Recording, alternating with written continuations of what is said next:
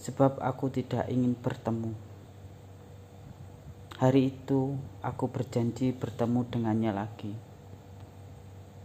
Seseorang yang pernah ku sayangi sepenuh hati dan jujur saja, dua tahun berlalu belum sepenuhnya bisa menghapuskan dia dari hati.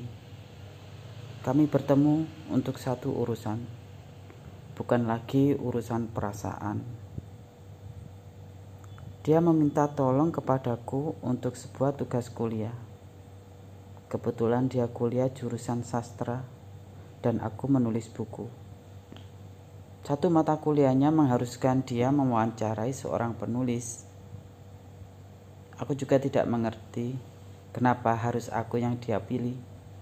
Sedangkan dia mungkin tahu bagaimana susahnya aku menjauh dan menyepi menghindari waktu bertemu.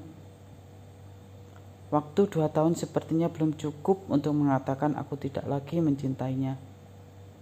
Perasaan itu masih ada, terpendam, terpendam di lubuk hatiku. Sesekali hadir sebagai rindu. Aku tidak mengenal siapa-siapa selain kau, ucapnya di telepon. Aku bisa mencarikanmu penulis lain.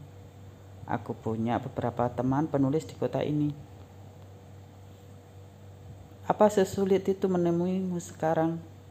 Apa waktumu terlalu mahal? Untuk bagian itu, aku tidak punya pilihan. Aku tidak punya jawaban yang tepat.